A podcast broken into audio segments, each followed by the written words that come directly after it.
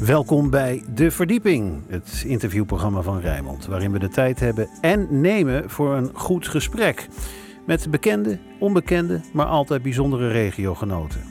Mijn gast vandaag komt uit Dordrecht en is schrijver en psycholoog. En net als velen van ons had zij angst voor de dood. Het is een onderwerp dat jou misschien nu doet besluiten om naar iets anders te gaan luisteren. Want het is nou niet bepaald een gezellig onderwerp. Maar geef ons beiden een kans. Een kans om mijn gast uit te laten leggen dat je het onvermijdelijke maar beter in de bek kan kijken. Het doet je anders in het leven staan. Mijn gast kreeg in zeer korte tijd maar liefst drie sterfgevallen te maken in haar omgeving. En dat deed haar besluiten om haar boek te schrijven met de titel Dag Dood. Tot later. Met daarin ook daadwerkelijk een brief aan de dood. Beste dood, wat kwam jij vaak langs de laatste tijd? Bij oma, die bijna de honderd haalde. Bij Sarah, die zelf koos voor jou. Bij Chris, bij Ellen en bij Henny. Bij René en bij Cox. Ik kan niet meer om je heen. Mijn gast kreeg ook daadwerkelijk een brief van de dood terug. Daarover straks meer. Waarom is voor velen de dood nog steeds een taboe onderwerp, terwijl we er toch echt allemaal aan moeten geloven? Hoe ga je beter om met de dood van je geliefde en hoe kijk je zelf eigenlijk tegen je eigen dood aan? Aan het begin van dit gesprek kom ik nog met een disclaimer, die hopelijk aan het eind van dit gesprek niet meer nodig is. Luister samen met mij naar de gast die de dood heeft durven aankijken. Uh, Machtel Stakelbeek, welkom. Uh, je roots uh, liggen in Maasluis. Ja. Uh, hoe, hoe, hoe heeft jou dat gevormd? Nou, in Maasluis, mijn vader was de stuurman op de Grote Vaart. Ja. En vandaar dat mijn ouders in, uh, in, in Maasluis gingen wonen. Want mm -hmm. mijn vader vertrok natuurlijk vaak vanuit, uh, vanuit Rotterdam. Ja.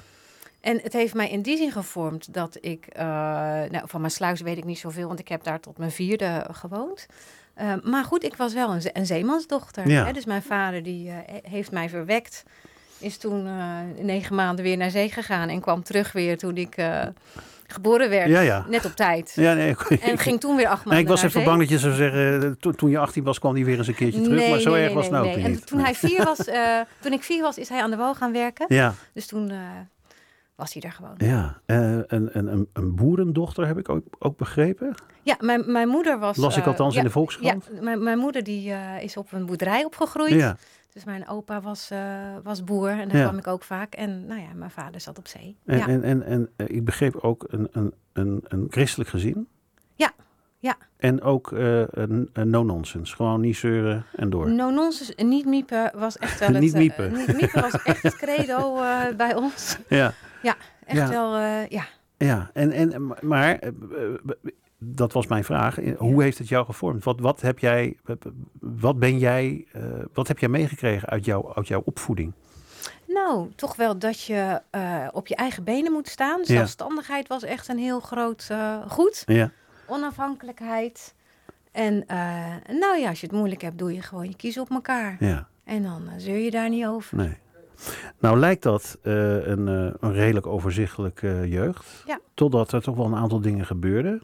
Toen jij uh, 17 was, gingen je ouders scheiden. Ja. jouw moeder blijkt lesbisch. Ja. En jij hebt besloten om het huis te verlaten en in te trekken bij je vriend. Nou ja, het, het, het, het, het er was eigenlijk geen huis meer. Hè? Dus, dus Nee. mijn ouders gingen, gingen ieder hun eigen, Ja. eigen kant op met, met, uh, met de nieuwe partners. Mhm. En dus ik was nou ja, vroeg op eigen benen, laat ik het zo uh, ja. zeggen. Ja. En ik trok inderdaad in bij mijn vriend. En uh, die uh, ging toen ook weer terug naar zijn ouders. En Mhm. zijn vader overleed. Ja. Dus ja, dat was eigenlijk het eerste stervende wat ik van dichtbij Ja, want, want, want dat is, hè, helaas, als je ouder wordt, raak je er steeds meer aan gewend. Ja. Maar dit was voor jou de eerste keer van zo dichtbij. Ja, van zo dichtbij. En het was ook compleet onverwachts. Ja. Als iemand een hartstilstand heeft, dat zie, dat zie je ja, niet aankomen. Ja, want daar is, daar is Ja. overleden. Ja, en ik weet dat ik best ook... Uh, nou ja, daar ben je dan bij. En ze proberen te reanimeren. Vond Ja. ik ook schokkend om te zien. En wat ik ook heel schokkend vo- vond, was dat... Nou ja, eigenlijk twee uur later bijvoorbeeld komt dan... Of op mijn gevoel, hè, die nacht komt dan de begrafenisondernemer... en die vraagt of je cake bij de koffie wil. Ja, terwijl de hele familie is nog in shock ja, ja. eigenlijk. En dat is een rare gewaarwording. Een Want ik heb het eh, gewaarwording. helaas eh, Ja. ook onlangs mogen ervaren. Eh. Er worden gelijk zaken gedaan eigenlijk. Precies, ja. Van, hoe, hoe zullen we dit doen en hoe zullen we dat doen? En Hoeveel mensen komen er? En ja, Ja, en natuurlijk moeten die, notitie- moeten die notitieblok komt erbij. Precies. De laptop tegenwoordig. Ja. Ja, dus die vragen moeten natuurlijk ook gesteld worden. Ja. Hè, maar, en het is fijn als je daar van tevoren al een beetje over Ja, na hebt gedacht. ja, hè? Dus dan heb je tegenwoordig natuurlijk wel... Eigenlijk iedere uitvaartorganisatie heeft wel een, een, een, een boekje Mhm. met vragen. Kun je, kun je het alvast met elkaar over hebben als je dat wil. Vond je het niet eh, heel plastisch?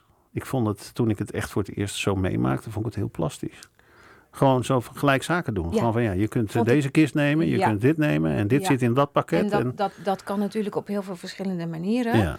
Denk ik soms van, nou, je zou iets meer kunnen afstemmen met de Mhm. familie, met wat er, ja, wat ja, er speelt. ja. Hè? Dat, dat, dat zou dan wel mijn voorkeur hebben. ja, ja. Ehm, jij hebt muziek meegenomen. Ja. Eh, eh, een plaat van Harry Jekkers en Jeroen van Merwijk. Ja. Eh, mijn moeder. Nou hoop ik, even door schade en schande wijs geworden, dat dat werkt, technisch gezien.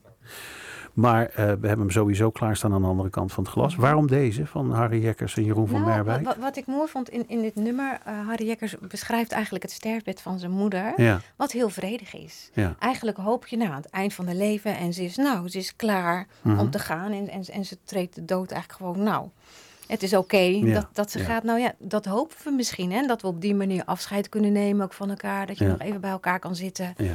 En nou ja, Laten we luisteren naar Ja. eh, Harry Jekkers en Jeroen Ja. van Merwijk. Mijn moeder.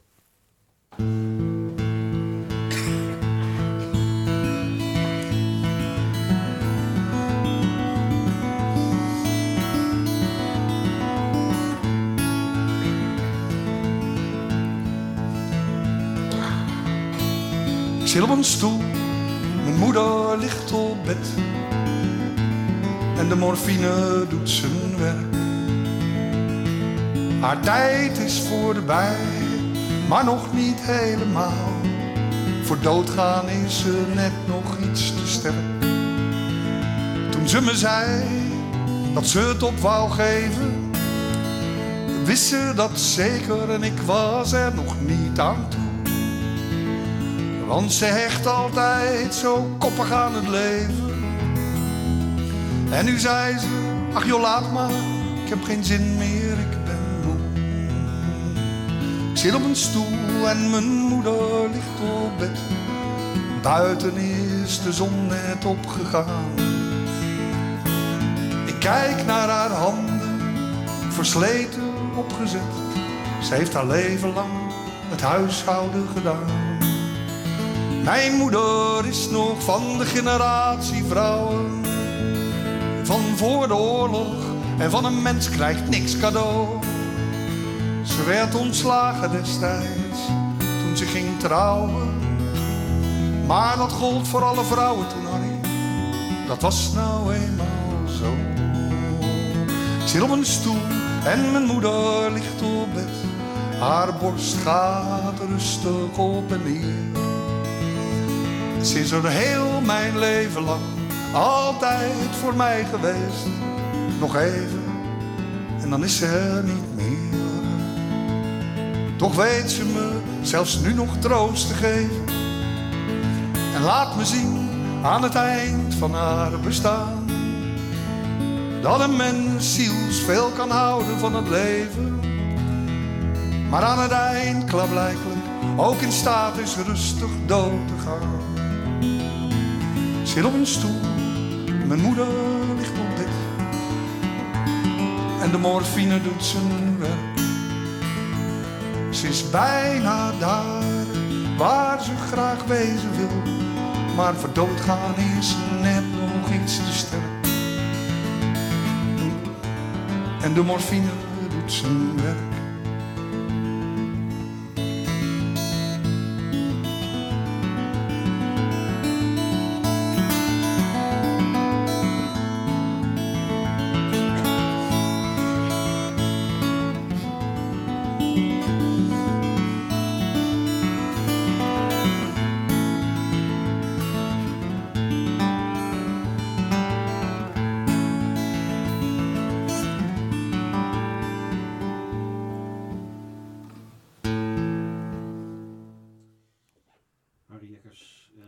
Jeroen van eh, Merwijk eh, met Mijn Moeder. Mooi plaat.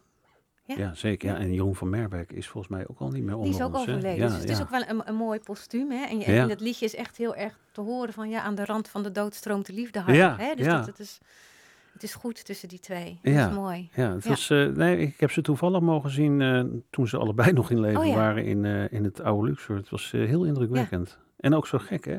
Zeker als het om, eh, want da- daar, daar spreek je ook over in je boek, hè? Van in hoeverre leef je nog na de dood? Hè? Meestal bij beroemdheden wordt het natuurlijk, eh, hè? of grote denkers, ja, Ja. Die, worden, die worden eeuwen later nog. eh, Geciteerd. ja. ben je dan inderdaad echt dood als je vergeten bent? Dat, dat, dat is een uitspraak, hè? Ja, maar wat- Ja. hè? Ja. Wat vind jij? Ehm, nou ja, zolang je voortleeft in de herinnering Ja. van je eh, geliefde, dan, dan is er nog iets van jou. In ieder geval Ja. hier ook aanwezig. ja, We weten dat natuurlijk niet precies. Dat is wel grappig om te vertellen. Mijn oma is dus ook overleden. Hè? Die Mhm. is 97 geworden. Die zei, weet je hoe lang een meter is? Nee, oma. Ik heb nog zo'n stukje. Hè? zei ze. Dus dat- en we weten natuurlijk niet hoe lang we hebben. nee. Maar ik kreeg haar borduurspullen toen. Mhm. Mijn moeder was een, eh, of mijn oma maakte van die borduurschilderijtjes. En die hebben een paar jaar bij mij in de op zolder gestaan. Ja. En heb ik pas heb ik ze gepakt. Ja. En ik zag haar, nou, zo, al die garentjes en die. En dacht ik, en ik kon haar gewoon horen praten. Ja. Kijk, mag, dat doe je zo. Hè? Dus ja. heel grappig. Denk, Ja. ja. zo leef je Want, voort. want- precies, precies, want dat is voor mij, denk ik, voor mij werkt dat wel eh, hoopgevend. Dat, dat je nooit echt dood bent, omdat je altijd je omgeving eh, beïnvloedt. Juist. Je legt, hoe klein of groot dan ook, een, een, toch, toch een, een stempel neer. Je laat iets achter. Ja, Je laat iets achter. Ja. Behalve spullen. ja want daar ga je ook uitgebreid Ja, over in je boek. precies, hè, hè, want maar- maar- dit is namelijk wel, ook- het is een handige, doe het zelf gids. Nee, ehm, want je gaat eh, in op wat er nou daadwerkelijk eh, fysiek met je gebeurt als je Ja. doodgaat. Hè? Ja. En, en ook psychisch, maar ook dat, dat het wel fijn is om je rugzak leeg te gooien voordat je gaat. Om op te ruimen. Ja, Ja, zowel praktisch als ja. emotioneel en relationeel. ja. Ehm, wanneer begon je eigenlijk echt angst voor de dood te krijgen? Je gaf, Ja, angst, weet je, ik weet niet of het echt, echt zo angst dat ik heel, het, het doodsangst had, maar doodsangst had, maar ik was echt gefascineerd dat ik dacht, goh, ik ben, ik heb gestudeerd Mhm. hè, en ik praat met mensen in mijn praktijk eh, Ja. over dood en over rouw, maar wat weet ik er eigenlijk weinig van Mhm. als je er echt dichtbij bent? Ja. Hoe gaat dat als iemand sterft? Mhm. Nou goed, ja, we kunnen het allemaal, hè, doodgaan, Ja, want ja, en dat- uiteindelijk ga- gaat het ook van, is- van, vanzelf. ja. Maar we, er, ik ervaarde een soort van onhandigheid daarmee. Ook in het ziekenhuis bijvoorbeeld bij mijn zwager. Ook hoe artsen nog in het gesprek met hem over het stoppen van medicatie bijvoorbeeld. Hij was 57, hij had eh, kanker. Mhm. Eh, ja, dat duurde twee minuten, dat gesprek. Maar wat gebeurde er dan in dat gesprek? Want was dat ook weer zo, Het zo ging- praktijkgericht? Praktijk, nou ja, Ja. We, kunnen we kunnen stoppen met de medicatie of nog dit proberen. Ja. Ja.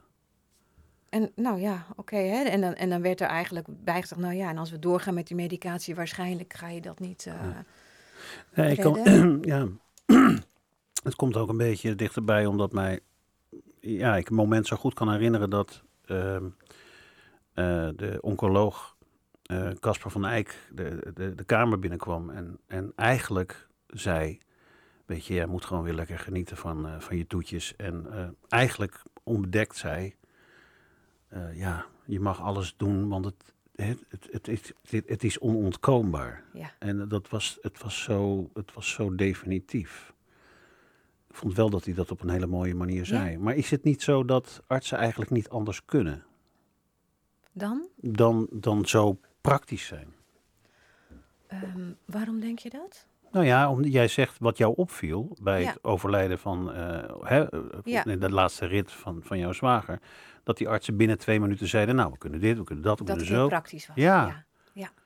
Nou ja, het, het praktische is er natuurlijk ook. Ja, Ehm, maar misschien is het toch fijn om iets aandacht te besteden. Maar goh, wat betekent dat dan? En Ja. wat kunnen we nog wel voor Ja. je doen? ja, Als we je misschien niet meer beter kunnen maken. Maar we kunnen je misschien wel zorgen dat je geen pijn hebt. Of dat je, misschien wil je nog naar huis. Of dat je helder blijft. Of, hè, dat- dat- je kunt ook over, dat, over die palliatieve Mhm. fase natuurlijk wel met elkaar spreken. En daarin kun je ook als arts volgens mij nog heel veel betekenen. ja, ja want ehm, ja, ik, ik ben zo benieuwd eh, hoe, hoe, ehm, ehm, hoe, hoe, dat, hoe dat dan eh, op jou over is gekomen. Dat, dat mensen dan zeggen, ja, je kunt dit, je kunt dat. En dat jij als psycholoog eigenlijk daar op die stoel zit te wippen van... nou, sorry, maar ik had dit er ook wel even bij gezegd. Of ik had dit er ook nog wel even bij gedaan.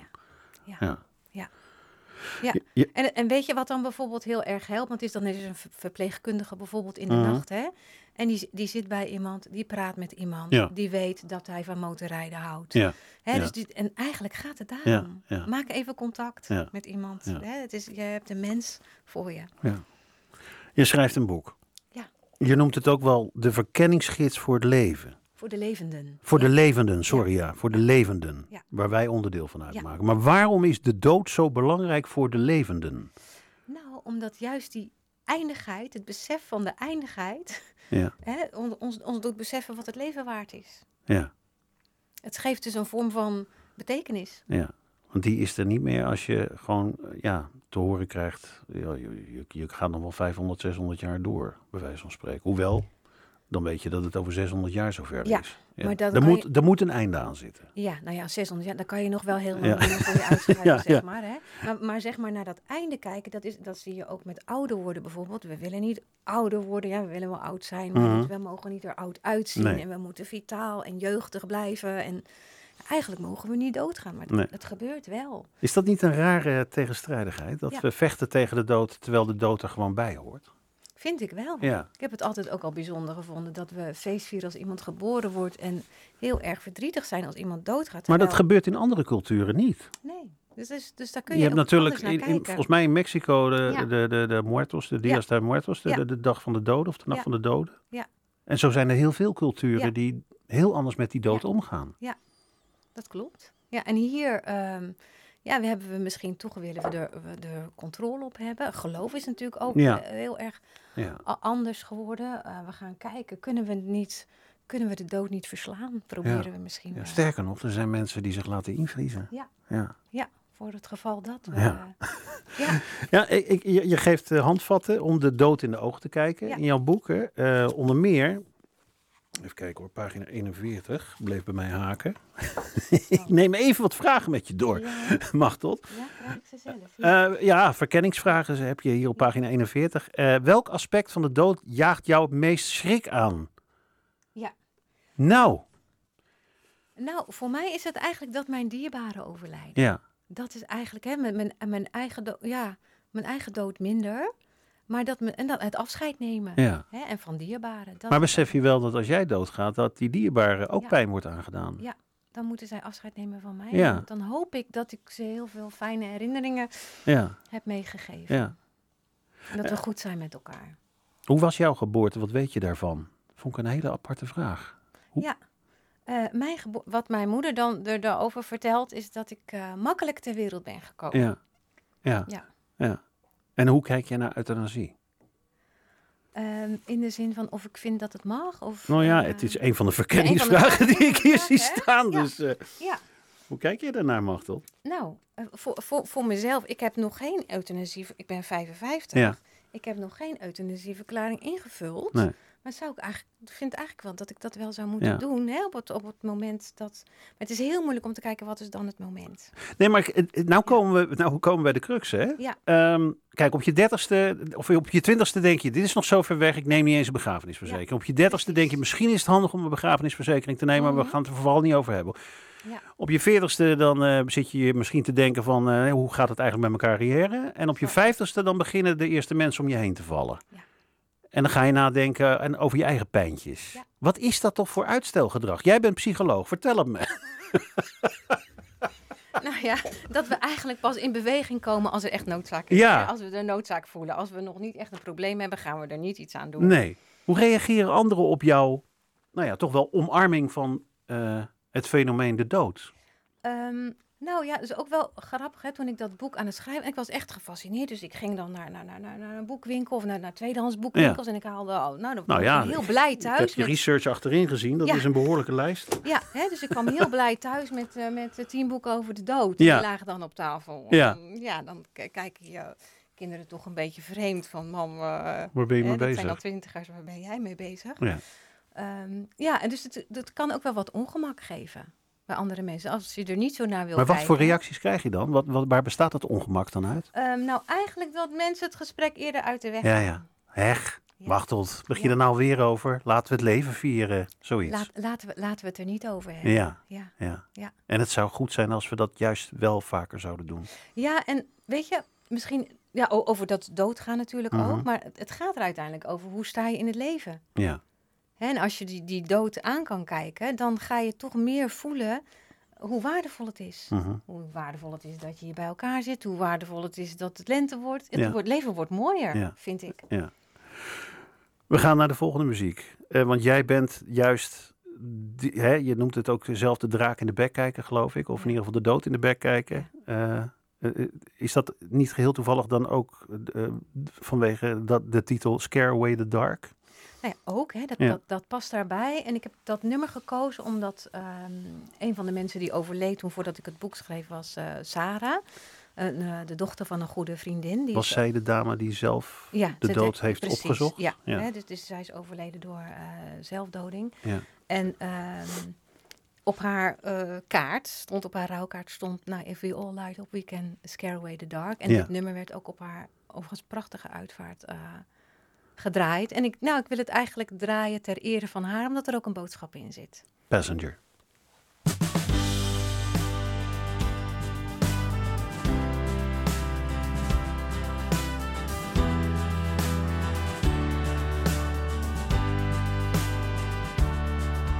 Well, sing, sing at the top of your voice. Love without fear in your heart. Feel, feel like you still have a choice. If we all light up, we can scare away the dark. Wish our days away, spend our weekends in bed. We drink ourselves stupid and work ourselves dead, and all just because that's what mom and dad said we should do. We should run through the forests, we should swim in the streams, we should laugh, we should cry, we should love, we should dream, we should stare at the stars and not just at screens. You should hear what I'm saying and know what it means to sing. Sing at the top of your voice. Love without fear in your heart, no. Feel, feel like you still have a choice. If we all light up, we can scare away the dark. Well, we wish were happier, thinner and fitter. We wish we weren't losers and liars and quitters. We want something more, not just nasty and bitter. We want something real, not just hashtags and Twitter. It's the meaning of life, and it's streamed live on YouTube. But I bet Gangnam Style still get more views. When we're scared of drowning and flying in shooters. But we're all slowly dying in front of computers. So sing top of your voice now. Oh, love without fear in your heart. Can you feel, feel like you still have a choice? If we all light up, we can scare away the dark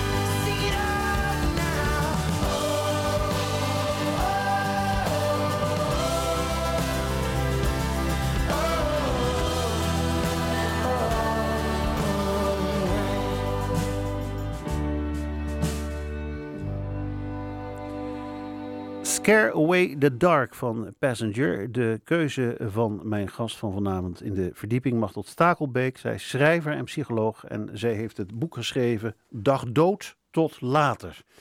En je zei net, Machtel, dat je deze plaat uh, ook min of meer opdraagt aan, uh, aan Sarah. Ja, ja. ja. Ja, en wat misschien nog wel fijn is om te vertellen, dat Sarah heeft ook een mooie nalatenschap, want ze had psychische problemen. Uh -huh. En vertelde eigenlijk aan haar ouders, ik ben te, te laat gaan praten. Ja. En ze was al bezig met het opzetten van een mental health project voor jongeren, voor kinderen op basisschoolleeftijd. Ja, hoe oud was zij? 17. 17, 17. Dus eigenlijk was op de 16e gaan. Heb jij nog met haar kunnen praten over haar dood? Of? niet over haar dood. Nee, nee, nee niet nee. over haar dood. Maar um, en de, dus nu is er een stichting opgericht, Saar is niet gek. Mm -hmm. met, met een magazine voor kinderen van 10 tot 12 jaar op scholen. Om te, gewoon mentale gezondheid te bevorderen. Ja. Om te leren omgaan hè, met, ja. met alle emoties. Ja. En uh, hoe je met het leven en de hobbels van het leven om kunt gaan. Nou ja, over kinderen gesproken. Hoe, wanneer ben je eigenlijk uh, oud genoeg om over zo'n onderwerp als de dood te praten? Nou, ik denk dat kan op iedere leeftijd als een kind kan praten. Ja. Alleen, um, hè, er zijn ook wel uh, handleidingen voor hoe je, hoe, je dat, hoe je dat kunt doen en welk concept je dan gebruikt en mm -hmm. welke taal je gebruikt. Want je gebruikt de taal die aansluit bij het kind. Ja. En kinderen gaan soms vragen stellen of noemen zelf iets of oma gaat dood. Hè. Ja. Nou ja, dan is zo'n zo, zo of het huisdier gaat dood. Mm -hmm. Dat zijn van die momenten dat je er een gesprekje over kunt hebben. Ja.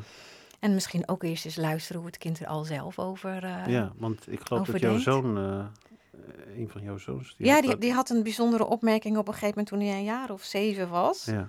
En toen had hij over, uh, nou ja, had een beetje ruzie met zijn broertje. Ja, mam, ik wil niet dat je boos wordt, want ik ben een heel gevoelige ziel, ja. zei hij. Ja. Oké, okay. nou, wat is dat dan, je ziel? Ja. Ik was heel benieuwd wat hij zou zeggen. En ja. hij zei, nou, je ziel, dat zit in je lichaam, maar het is niet je lichaam. Maar jij bent het wel. Mm -hmm. ja, hoe weet je dat? Ja. Hè, zei ik, ja, dat weet toch iedereen? Ja, jij, jij, jij, jij, uh, jij schrijft ook over het fenomeen de ziel. Hè? En we kennen denk ik wel uh, ook de, de, de, dat experiment hè, met die, die 21 gram hè, ja. van, van die arts. Ja. En daar is nog een speelfilm van gemaakt, 21 grams. Hè? Die had gemeten van, uh, oké, okay, als de ziel eruit is, dan is, is het lichaam 21 gram lichter. Ja, later werd het dan weer een beetje, beetje hè, want ja, dat heeft ook te maken met het worden. verlies van vocht en weet ik het allemaal. Maar het is natuurlijk een hele interessante en daar komen we in de komende 25 minuten niet, uh, komen daar één niet denk uit, denk dat ik. wij mag dit dat? mysterie ook niet op gaan Nee, lossen, nee. Maar geloof je wel in de ziel? Uh, nou, ik vind het... Um, Want ja. je haalt ook namelijk Dick Swaap aan met Wij zijn ons brein. Hè? En daar word je dan misschien... Daar, daar word ik, ik heb dat boek ook gelezen van Dick Ja. Swaap. En dat, dat, ja, dan wordt alles wat je bent eh, wel teruggebracht tot chemische processen in je tot- hoofd. Precies, hè, gereduceerd tot Ja, ja. processen. Ehm, ja, ik vind het zelf wel heel fijn om te geloven in een ziel. Ja. Hè, en ik, ervaar eigenlijk ook zoiets als ziel of bezieling Mhm. in mezelf en soms bij andere mensen. Ja, en dan een, sch- een schilderij is ook een, een, een- doek met verf erop. ja. Maar Nou ja, dan gaat het weer over die nalatenschap. Hè? Ik bedoel, Ja. jij laat iets na. Heeft dat dan ook een ziel? Heeft dat jouw ziel dan... Zitten daar stukjes van Nou, jouw ziel dan op geplakt? misschien Of- blijft daar een Ja. hè, je hebt ook de wet van behoud van energie. Ja, dat bedoel zeg ik. maar, hè? Ja. Dus misschien blijft er toch iets van energie. Ja. Ik vind dat wel fijn om dat te geloven. Of het, ik weet het niet zeker. Mhm. Hè? Dus, maar ik denk dat wat je gelooft of wat je daarover bedenkt zelf, Mhm. dat bepaalt ook hoe je in het leven staat. Jij bent psycholoog hè? en ongetwijfeld krijg je in je praktijk dan, nou, ook natuurlijk mensen die worstelen met, eh, met de dood van hun geliefde of, Ja. of, eh, of eh, familie. Waar, waar hebben zij de meeste moeite mee? Om, om, om, om hun rouw vorm te geven. Ja, je? bijvoorbeeld. Ja, dat hangt er natuurlijk helemaal vanaf wat. Hè, het, het gaat soms over het missen. Ja, Hè, Ja. over, over, over de leegte. En als je veel ziet dat, dat wij denken een beetje in onze maatschappij dat, dat rouw overgaat. ja. Hè, dus als, als, als iemand zijn partner verliest, nou na een jaar, nou dan moet het wel weer een beetje nog, over zijn. sterker nog eh, mijn schoonmoeder zei het onlangs. Die zei, die, die, die raakte overmand door, door verdriet. Ja. En ze zei zoiets van, ja, maar het is toch alweer een jaar, een half jaar geleden. Hoe kan ik nou nog verdrietig zijn? Ja. En, eh, maar je ziet het ook in de maatschappij. Hè? In het begin, en je geeft ook trouwens tips hoe je mensen kunt helpen. Hè? Ja. Want eh, de, de do's en don'ts. Bijvoorbeeld een van de don'ts is, eh, je kan me altijd bellen. Dat is echt een hele holle frase is dat. Ja. Ehm, maar dat is wel hoe het werkt. Hè? Ik bedoel, eerst is iedereen heel erg met je begaan. Ja. En daarna hebt het weg. Ja, en eigenlijk begint dan pas echt het Ja, gemis. Omdat ja. je in die eerste fase ben je nog heel erg bezig ook met de overleden. Ja. En je hebt eerst die uitvaart, je gaat spullen opruimen, Ja. je hebt nog allerlei papier, Mhm. dingen. En dan heb je de eerste keer dat je kerst viert, Ja. hè, zonder, zonder hè, met, de, met de lege stoel erbij. Mhm. Ja, en dan ebt de aandacht er een beetje En voor dan weg. normaliseert het. Maar dan wordt het voor degene die achterblijft eigenlijk pas echt stil. Ja. Zou dat inderdaad wel. Hoe, hoe zouden we dat kunnen keren? Hoe, hoe zouden we ervoor kunnen zorgen dat de maatschappij daar anders naar gaat kijken? Eh, nou ja, wat je in ieder geval kan, hoe- ja, hoe, hoe de maatschappij... Nou ja, goed, wij met z'n allen. Wij met z'n allen, nou, eh, er aandacht aan blijven geven, de Ja. ander wel blijven en, be- benoemen. en beseffen dat die rouw niet stopt na. Hè? En nou, ik bedoel, dat, dat is ook weer zoiets wat wij met z'n allen willen. Van oké, misschien heeft het te maken met het feit dat we het in een doosje willen stoppen. Zo, oké, dood, verschrikkelijk, rouw gehad en door. We willen eigenlijk alles oplossen. Ja, Maar verdriet is niet oplosbaar. Rouw Nee. is eigenlijk ook niet oplosbaar. Hè? Je, ik schrijf ook, je moet het, eh, je moet natuurlijk doorleven. Ja. Dat ook, maar je moet het ook doorleven. ja, Hè? Je Ja. moet het do- doorvoelen. En dan Ja. heeft het een vorm. Dan vraagt het om een vorm. Ja. En dat kan gedenken zijn of ja, samen eten op iemands verjaardag, ik noem maar wat. Hè? Mhm. Om daarbij stil te staan of iets maken van de, van de spulletjes. Of ja. En de dood blijven bespreken. En, en de dood blijven en het, en het gemis en die persoon. Want Ja. zolang je iemand nog bespreekt, is hij er ook Mhm, nog. Weet ja. je nog, toen hij, Ja, oh, dat is echt typisch iets ja, oh, dat had hij leuk gevonden. En dat, dan blijft iemand, Is dat, is dat ook je grootste angst? Dat, dat, dat er op een gegeven moment niet meer over jou gepraat wordt? nou, dat vind ik niet zo erg. Als Nee? Het, nee, nou, ik hoop dat mijn kinderen me, me niet meteen vergeten zijn. En Nee. mocht ik kleinkinderen, nou, zou ik het ook fijn vinden dat ze nog een herinnering hebben aan hun oma. Ja, en daarna, ja, dan is er misschien nog een foto. Nou, er is nog een boek, hè. Dus Ja, En eh, dit gaat het lezen. archief in ook. eh, Dus, eh, Precies. Dus ik, ik, ik, ik heb, ja. ik blijf bestaan. Wat dan betreft, iets van mij. Ja. Ehm, ja, maar je, eh, je blijft bestaan. om- Je bestaat niet alleen maar uit een lichaam en uit cellen en uit een uiterlijk en uit bloed, maar ook uit hoe je bent en wat je doet in je leven. En ehm, ja, zo probeert iedereen natuurlijk een soort, soort afdruk achter te laten. Jij probeert dat ook met, eh, eh, met kleinkunst. Ja. Ja, nou ja, eigenlijk ook een van de dingen die misschien ook wel bezig zijn met die dood heeft. Wat wil ik nog Ja, in mijn leven? Hè? Want ja, eigenlijk is alles wel zo'n beetje gelukt. Hè? Zou Ja, ja. tussen aanhalingstekens dan. Hè? Maar hè, nou, je hebt een man en een huis en, een, en een gezin en eh, een carrière. En wat wil je? Waar word je nou echt blij van?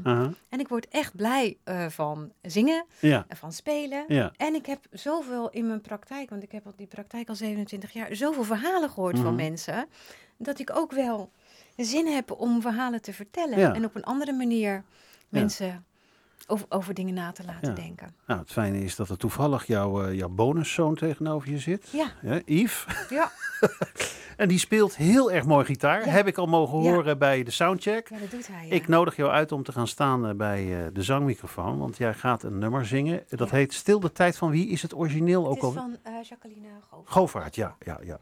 Maar nu uitgevoerd door eh, Yves en Machteld. Dit is Stil de Tijd.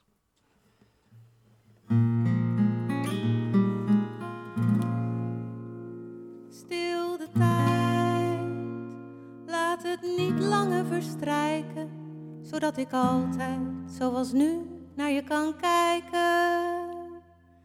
Stil de tijd, stil de tijd, zo midden in het leven, want hoe ik leef nu, lijkt het op mijn lijf geschreven stil de tijd.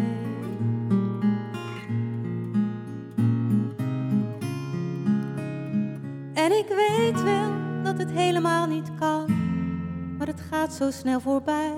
En ik ben bang dat ik vergeet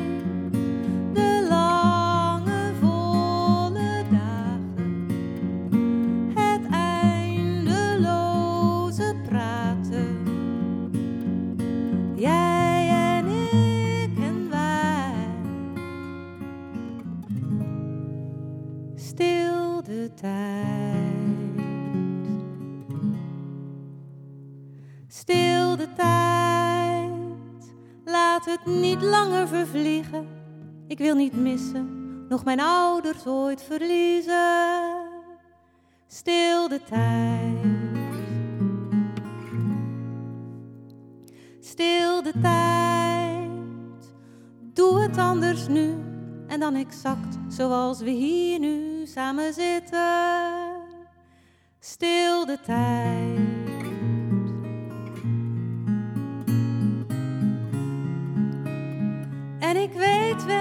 Dat het helemaal niet kan, maar het gaat zo snel voorbij. En ik ben bang dat ik vergeet. Dus heb ik het beschreven. Dit hemels heerlijk leven. Zodat het nooit verdwijnt. Ik stil de tijd.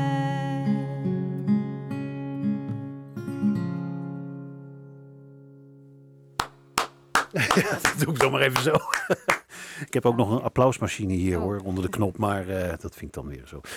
Nou, je moet altijd een beetje dingen doen die je spannend vindt. En vind je, vond je dit spannend? Ja, ik vind het toch een beetje spannend. Maar dit, je, doet het toch ook op het podium? Jawel, maar voor het eerst op de radio. Ja. Dus dan is het toch een Maar dan zie je alleen maar mijn eh, sujet tegenover je Ja. zitten en je eigen zoon. Dus ik bedoel, eh, wat, maar toch? Maar het gaat, het gaat erom, eh, wat ik hier een beetje uit begrijp, is van eh, je moet jezelf, een be- eh, ja, daar hebben ze in het Engels zoiets moois voor, push the envelope. Je, je moet Ja. jezelf een beetje uit de comfortzone Precies. halen. En soms heb je een impuls. Ja, En dan heb je heel gewoon, nou ja, weet je, laat ook maar. En dat is eigenlijk zonde, ja. vind ik. Er is niks zo erg als, eh, als dat je op je sterfbed eh, gaat zeggen, had ik maar dit en had ik maar dat. Precies, dat is ook Ja. nou ja, wat ik in mijn boek schrijf. En dat maakt dat stilstaan bij de dood betekenis geeft aan het leven. Ja. Juist door het stilstaan bij de dood ga je nadenken over, Doe het misschien maar. moet ik dit maar eens gewoon gaan doen. En dat zie je, oh, hè, dat hoor je bijvoorbeeld ook bij mensen die inderdaad een, een diagnose krijgen. Want je hebt nog maar zo, hé, Ja. ja, dan gaan ze andere keuzes maken. Ja. Ja. Ehm, nou ja, over, over eh, eh, uit je comfortzone gaan. Eh Machtel, ik begrijp dat jij in een soort retraite bent gegaan. Ja. Eén met de natuur, hè? een Vision Quest. Hoe Ja. kwam je daartoe? Ehm, ik, heb, ik heb het drie keer gedaan overigens, met ze- zeven jaar de tijd. Want wat is Tijd het? ertussen. Nou, het is een natuurretraite van vier dagen en vier nachten ben je alleen op een plek in het bos. Ja, Met alleen water, een Ja. zeiltje en een slaapzak. Geen lampje. Nou ja, misschien een lampje, lampje. Maar, maar voor de rest En niks. echt heel basic. Gewoon niks. Toa- toiletpapier en een schepje heb je ja. ook bij je. Hè, dus echt heel basic. Geen Ja. telefoon, geen horloge, geen...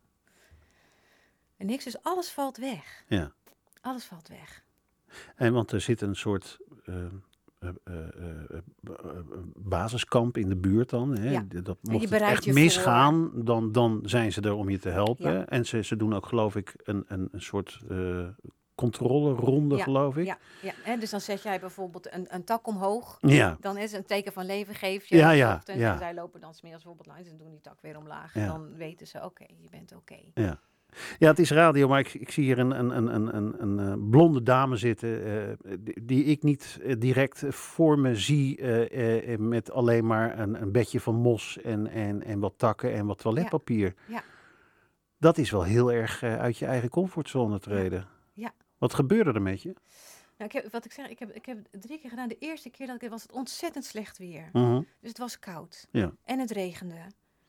En nou ja, de eerste dag was ik bezig met een beetje dat ik een soort van een beetje droog kon liggen. Ja, Hè? En dan was ik aan het mopperen op mezelf. Waarom doe ik dit in hemelsnaam? Wat, wat? Eh, maar heel langzaam maar zeker. Je eet ook niet. Hè? Dus er Mhm. is geen enkele dagstructuur. Er is geen spiegel. Alles valt weg. Er zijn Ja. andere mensen. Ja, wat blijft er dan van je over? ja, De dag duurt ontzettend lang. ja. Je hebt niks geen boekje ook, hè? geen boekje, je Nee. hebt niks te doen.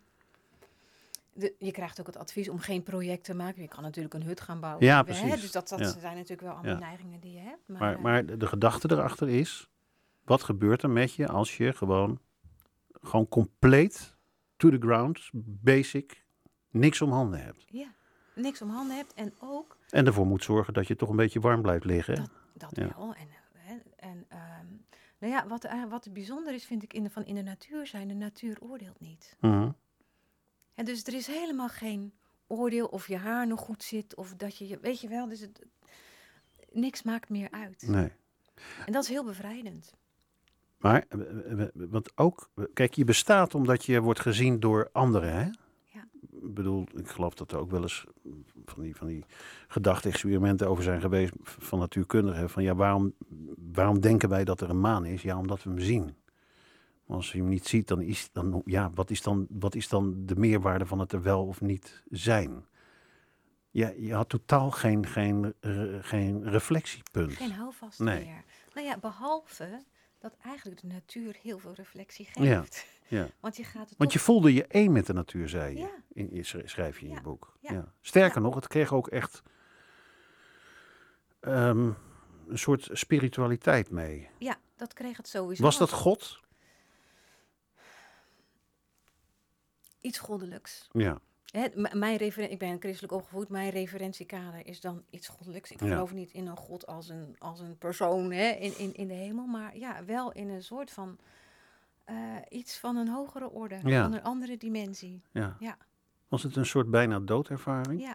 Ja, het was ook, er is een ritueel in die, in die Dead Lodge, dat je die, of in die eh, Vision Quest, dat je die na, laatste nacht doe je een, eh, een, een, een Dead Lodge. Dat kan je voor kiezen om dat te doen. En dan ga je eigenlijk je eigen sterven inbeelden. Ja, ja. Dus je gaat ook liggen ja. en je beeldt in dat je dierbare afscheid neemt. En die zie je dan eigenlijk, hè, die- Ja. het is natuurlijk allemaal in, jou, in jouw verbeelding, dat gebeurt ook.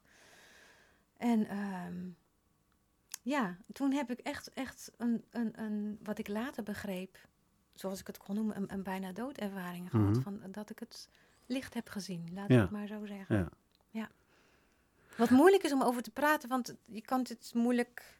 Nou ja, het gevaar wat natuurlijk bestaat is dat je wordt versleten voor, eh, voor iemand die zegt, ja, weet je, we hebben zo vaak eh, mensen gehad die een bijna doodervaring hebben gehad. En, en, en sommigen die zeggen, ja, dat is een, dat is een proces wat in je Ja. hersenen plaatsvindt. En, Misschien, ja, ja. dat kan ook. Maar één ding kunnen ze niet tegen je zeggen, dat jij je niet hebt voorbereid. Want je hebt eigenlijk al op je sterfbed gelegen. Ja. Ja.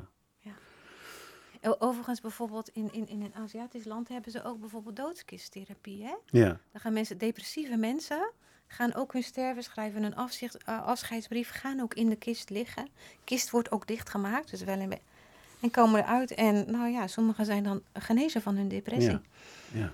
Ja. Omdat ze weer willen leven. En dat is wel wat ik er heel erg aan over heb gehouden. En heel erg, ik was al wel blij hoor om te leven, maar een enorme blijdschap. Ik leef. Ja. Dat is toch fantastisch Ja. dat je dit allemaal mag ervaren. Ja. Geloof je in een leven na de dood? Mm, ik geloof dat er, er iets in, e- van energie overblijft. Ja. Ja. Ja. Want je schrijft ook, hè, als je het heel natuurkundig gaat bekijken, de, de, de moleculen of de atomen die in ons zitten, Ja. Die, ja, dat zijn vooral koolstofatomen volgens mij en waterstof. Of de, maar ja, die, die, die, die bestaan al eigenlijk sinds de oerknal. Dus we zijn al eigenlijk gerecycled. Precies. Ja, die materie. nou ja, zo kan, zijn allemaal mani- manieren om, om Ja. er naar te kijken. Ik vind het ja, heel we zijn eigenlijk al gerecycled. Het is natuurlijk een mysterie, maar ja, we bestaan. hè? Ja, ja, ja, ja. Het is een mysterie dat we bestaan. Ja. Maar, eh, eh, je, je komt in je boek ook met een soort eh, tabel of een matrix met, en, en een voorbeeld van een wiskundige, de gok van Pascal. ja. En die zegt, volgens mij, je kan maar beter wel geloven dat er leven na de dood is. En waarom was dat ook alweer? Nou ja, want hè, dus hij zegt, nou, je kan wel of niet Ja. hè, erin geloven. Maar nou ja, als je er niet in gelooft, en, het, eh, als je er wel in gelooft, het is er niet, nou, dan merk je het niet. Precies. En als je er wel in gelooft, het is best fijn in het Ja, leven. ja, Afhankelijk natuurlijk wat je gelooft, wat erna, ja. Hè, dan moet je wel iets Dus het is eigenlijk een hele rationele benadering. hele rationele Ja, benadering. je kan ja. maar beter wel geloven dat er Ja, iets is. en dan is de vraag, kun je ervoor kiezen om ergens voor te geloven? hè? Is dat een keuze of is dat een, een genade? Ja, ja. Ja, je, je- ik, vind, ik, ik, ik, ik, eh, ik, blijf dan even haken op iets wat ik ook in je boek heb gelezen. Namelijk, eh, vraag je af in welke levensbeschouwelijke marinade je hebt Ja. gelegen. Ja. Nou ja, ik heb in een christelijke marinade Ja. gelegen. Ik ging naar een christelijke Maar school. is het goed omdat je er continu... Want sommige mensen die zeggen, ik, eh, ik heb een rotjeugd gehad, even bij wijze van spreken. Daar heb ik afscheid van genomen. Daar wil ik ook niet meer over nadenken. Eh, eh, mijn leven is bijvoorbeeld vanaf, weet ik veel, toen ging het beter met me vanaf mijn dertigste begonnen. ja. Maar dat is dus, als ik jouw woorden begrijp, niet altijd de beste manier. Nou, ik wil niet zeggen, als dat voor iemand het beste is, is, vind ik dat, is dat, ben ik de laatste om te zeggen dat dat niet goed is. Mhm. Alleen vaak zie je toch dat eh, dingen later wel terugkomen. Ja. Hè? Dus, Ja. dus je kunt het een tijdje in je leven, kun je dingen wegdrukken. Of, nou ja, dan heb je er ook geen last van. Dus net zoals, nou, ik kijk er niet naar. En ik Mhm. doe, maar het is niet weg. Nee. Hè, dus er kan een trigger zijn waardoor dat toch ineens weer geacti- geactiveerd wordt. En dan zie je soms gestapelde dingen. En dan komt het bij een klein, kleine gebeurtenis, komt ineens alles mee. We zijn bijna aan het einde van dit gesprek. Eh, je had, eh, ja, ik ben begonnen deze uitzending met de opmerking, en ik heb hem ook een, voor een stukje geciteerd, eh, namelijk dat jij de dood een brief hebt geschreven. Maar je Ja. kreeg ook een brief terug. Ik heb hem een klein beetje ingekort. Zou je Oh. hem willen lezen? Zeker. Ja. Beste Machteld, dank voor je brief. Want veel brieven krijg ik niet. Ik ben blij dat je stilstaat en naar me kijkt. Bijna niemand ziet me graag komen. Maar ik ben toch de kwaadste niet. Dankzij mij krijgt het leven glans. Wie wil er nou oneindig leven? Op een feestje zijn en nooit meer naar huis mogen? Dankzij mij kan iedereen naar huis. En hoe langer je op het feestje bent, hoe vaker je me langs ziet komen. Dan kun je vast een beetje aan me wennen. En als je mij eenmaal kent, leef je anders. Wees gerust. Op een dag kom ik, maar vandaag niet. Je hebt nog even. Precies je leven lang. Het boek heet Dag dood tot later, een verkenningsgids voor de leven, uitgegeven door uitgeverij Anders. Machteld Stakelbeek hoorde je het afgelopen uur. En dank ook Yves voor je prachtige gitaarspel. Ik wilde graag uit met, eh, nou ja, hoe kan het ook anders, Ramses Shaffi. Mens durft te leven. Zo is het.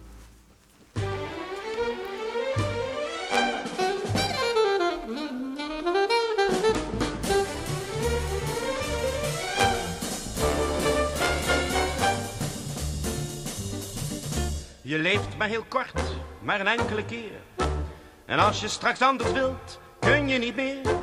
Mens te leven.